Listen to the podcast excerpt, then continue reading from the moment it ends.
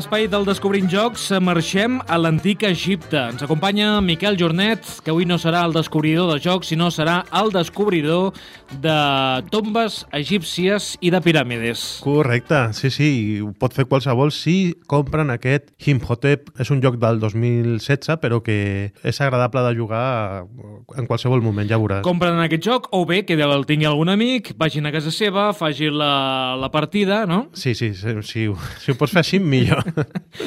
doncs avui tenim el Howard Carter Jornet eh, aquí en el programa Imhotep, el constructor d'Egipto. És el joc que ens proposes eh, avui d'un autor eh, prou conegut en aquest espai del Descobrint Jocs. Hem parlat en seccions anteriors d'ell, és el Phil Walker Harding, que és un autor australià que té molts jocs. Hem parlat de... Aquest home només es dedica a fer jocs? Doncs no ho sé. Té un equip de gent, suposo, no? Perquè clar, amb tants jocs ja de taula que, que ha creat. Sé que té el seu germà, que es diu David Harding, que és editor de jocs. Té una editorial que es diu Grail Games, que està funcionant, ja podem aconseguir fins i tot jocs de Grail Games aquí a Catalunya. Inhotep, que és aquest nom gairebé impronunciable, era una persona, era un constructor, era un arquitecte, metge, científic, que eh, la societat egípcia el va deificar. És una persona que va aconseguir que el tractessin com un déu, com aquest déu Inhotep. Nosaltres serem els constructors d'Egipte, no?, en aquest joc. L'autor eh, és l'autor del Xuxigó, d'Oso Park, eh, de, de Cacao... Del Dungeon Riders, de molts jocs, sí, sí, sí. sí. Està on fire. L'artista bueno, gràfic. És Miguel Coimbra, que també és un dels cracs, i també una noia que es diu Micaela Keinle. L'editorial és de Vir. Número de jugadors? De 2 a 4 jugadors. Edat recomanable? A partir de 10 anys. Temps de partida? 40 minutets. Està bé, mecàniques que utilitzarem? Podria dir lleugerament que és un pick-up and deliver, que és això d'agafar una cosa i lliurar-la en un altre lloc. Fer de grua, no? Seria? Sí, o, sí, sí, o de, o de camió transportista. La modalitat que vulguis, sí, eh? Sí, aquí són vaixells, ja veuràs. És de majories i de set collection, de col·leccionar cosetes, també. Aquí aprenem aquests noms. Quan nosaltres juguem amb els amics i diem anem a fer un set collection, eh? quedaríem bé, no? Clar, és que eh, és la forma de dir-ho. Eh, com, com es tradueix això? O, o pick-up and deliver, que, que també es diu, mm, és difícil, però bueno... Que la Agafar i posar tota la vida. Agafar eh? i posar, Agafar sí, d'un sí. lloc i posar-lo a, a un altre. Quina és la nota, Miquel? Té un 7 amb 3 a la Board Game Geek, que és la comunitat més gran de jugadors de jocs de taula, i en el rànquing general està el 338 entre tots els jocs de taula que hi ha, que hi ha base de dades, i dintre dels familiars, que és el seu nínxol, està el 48. El preu? Surt per uns 39,95. A veure, té poc cartró, però té molta fusta, ja, ja veuràs. Les peces aquestes que, que tenim aquí són bosses plenes i, a part, estan sobredimensionades. Normalment els jocs que et porten cubitos de fusta són cubitos mm, petits. Molt eh? petits, però aquí déu nhi eh? Sí, sí, sí. Podem fer una casa amb això, eh? Clar. A qui agradarà aquest joc? Agradarà a aquelles persones que gaudeixen molt practicant la maldat, perquè una de les característiques principals d'aquest Immotep és una cosa del que aquí hem batejat el programa com puteig fi. la, la interacció, la alta interacció, doncs aquí destila però una, una maldat eh, brutal. És un joc que ben jugat pot arribar a trencar matrimonis. De unido. No sé si jugar, eh? Però és agradable de que jugar. havia la maldició del faraón. Aquí, si juguem a aquest joc, tindrem un altres sí, malediccions, sí. no? Eh, sobretot aquests que, que es piquen molt eh, amb la parella o si jugues amb els fills i, te, i ha pique sa, pues aquest joc... És recomanable jugar amb persones que no siguin la parella o familiars molt directes, per si de cas, o no? Si no has de rentar plats, eh, millor que sí, sí. Ah, tu jugues qui perd renta els plats clar, o... clar. Sí?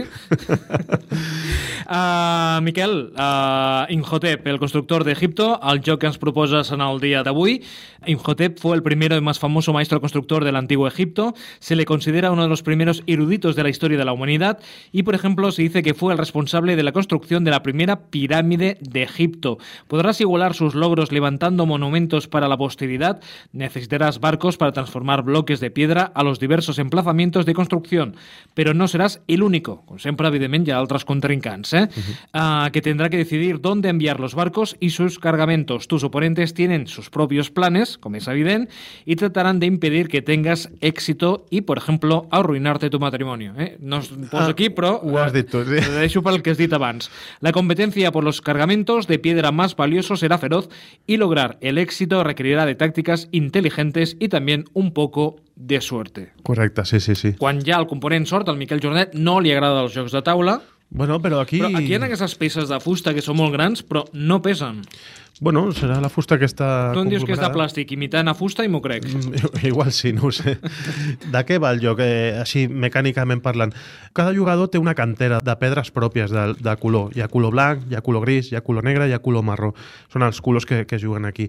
I també, per ronda, disposarem de diferents vaixells que tenen una capacitat de una, dos, tres o quatre pedres per barco. Eh, mira, ara el que estàs fent tu és un obelisc, eh, perquè hi ha, diferents, hi ha diferents mecàniques i això seria un obelisc. Aleshores, tenim els barcos a una banda del riu i a l'altra banda tenim els diferents llocs on poden aterrar els barcos. Només amb tres accions, que aquesta és la gràcia perquè són jocs molt senzills de reglament els que fa el Phil Walker Harding, només amb tres accions que és o agafar pedres de la cantera i carregar-te-les a la teva reserva personal o carregar un, un dels vaixells o moure un dels vaixells perquè descarregui. Atenció, perquè els vaixells, per exemple, el que pot portar tres pedres es pot començar a moure quan ja només té dues pedres carregades. O el que pot portar quatre es pot començar a moure quan té tres carregades. I aquesta és la gràcia, perquè per torns un jugador carregarà eh, la primera pedra a un de quatre. Un altre jugador igual diversifica i va a un altre vaixell, o si no, carrega el mateix. Perquè després, quan ha tres, ja hi ha tres pedres, o quatre, si s'ha carregat fins a quatre, un dels jugadors, en comptes de carregar pedres o d'agafar pedres de la seva cantera o el que sigui, portarà aquest barco i el destinarà a un dels diferents ports que allà s'aniran resolent com es miren els punts de victòria. No? Pots anar al mercat, i al mercat els jugadors es nodreixen de cartes, però aquestes pedres no, no serveixen per construir res. Pots anar al temple, que aquí al temple s'aniran posant les pedres i les que es vegin des de dalt, des d'una vista cenital, donaran punts per cada pedra que es vegi d'un color, donarà un punt a aquell jugador. Pots anar als obeliscs, que aquí és, al final, eh, el jugador, segons una taula que hi ha aquí, que tingui l'obelisc més alt, és el que es guanyarà més punts. Per exemple, en dos jugadors, el que té l'obelisc més alt es porta 10 punts i el segon es porta un punt. Eh, amb tres jugadors, el primer 12, el segon, el que té el, el segon més alt 6 i l'últim un punt. I a 4... Sempre un puntet podem tenir. Sí, però hi ha un diferencial molt gran. O sigui, Evidentment, que, evidentment. que t'interessarà anar portant vaixells amb pedres teves als obeliscs de tant en tant. També hi ha la piràmide, que segons en la casella de la piràmide que anem construint, hi ha un pis, dos pis, tres pisos, puntua diferent. Hi ha un ordre establert per anar carregant. Primer es carrega aquí, des, o sigui, es va carregant en columnes i anem fent així, i el que li toca carregar en el 4 pues, eh, guanya 4 punts i eh, se'ls compta directament al tauler. No? I l'últim és la càmera funerària, que aquí es compta per pedres connectades del mateix color. I és superinteressant perquè també, segons com descarregui el barco, trenques connexions o fas connexions més llargues i la rejugabilitat, que és un valor que busquem molt al- als jugadors de jocs de taula, està garantida perquè quan t'has cansat d'aquests eh, cinc possibles destins dels barcos, li dones la volta i tens un mercat alternatiu, un temple alternatiu que puntua de manera diferent, uns obeliscos eh, diferents, unes piràmides que en comptes de ser una gran piràmide tens tres de petites que també puntuen i una càmera funerària també diferent amb, amb un sistema de puntuació i de carregament diferent. O sigui que està tot molt controlat. Les cartes que s'aconsegueixen en el mercat el que fan és trenquen algunes limitacions que té el torn d'un jugador normal. O sigui, mm, pots fer dues accions seguides, encadenar-les, pots carregar un barco i enviar-ho, per exemple. Pots fer cosetes interessants. O pots també fer set collection de cartes iguals per després acumular punts.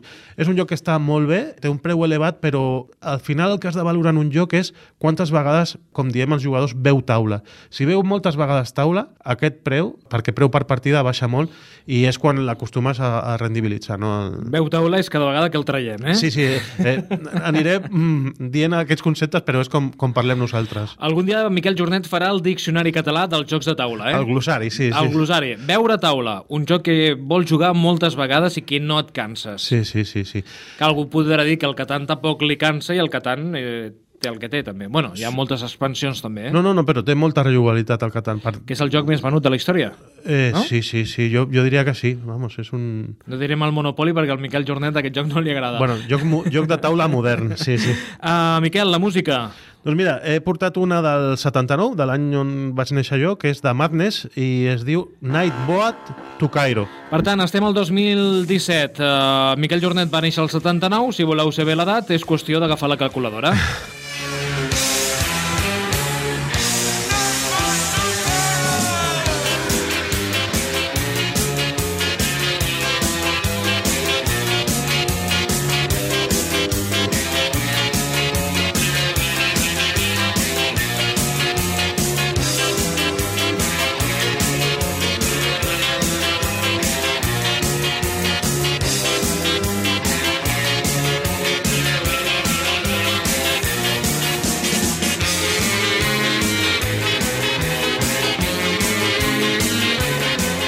doncs amb aquesta música eh, jugarem en aquest joc d'Imhotep. Home, no és molt egípcia la música, però sí que parla de...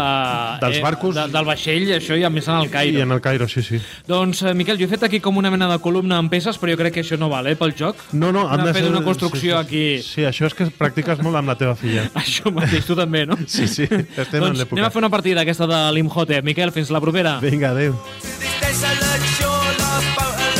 to this.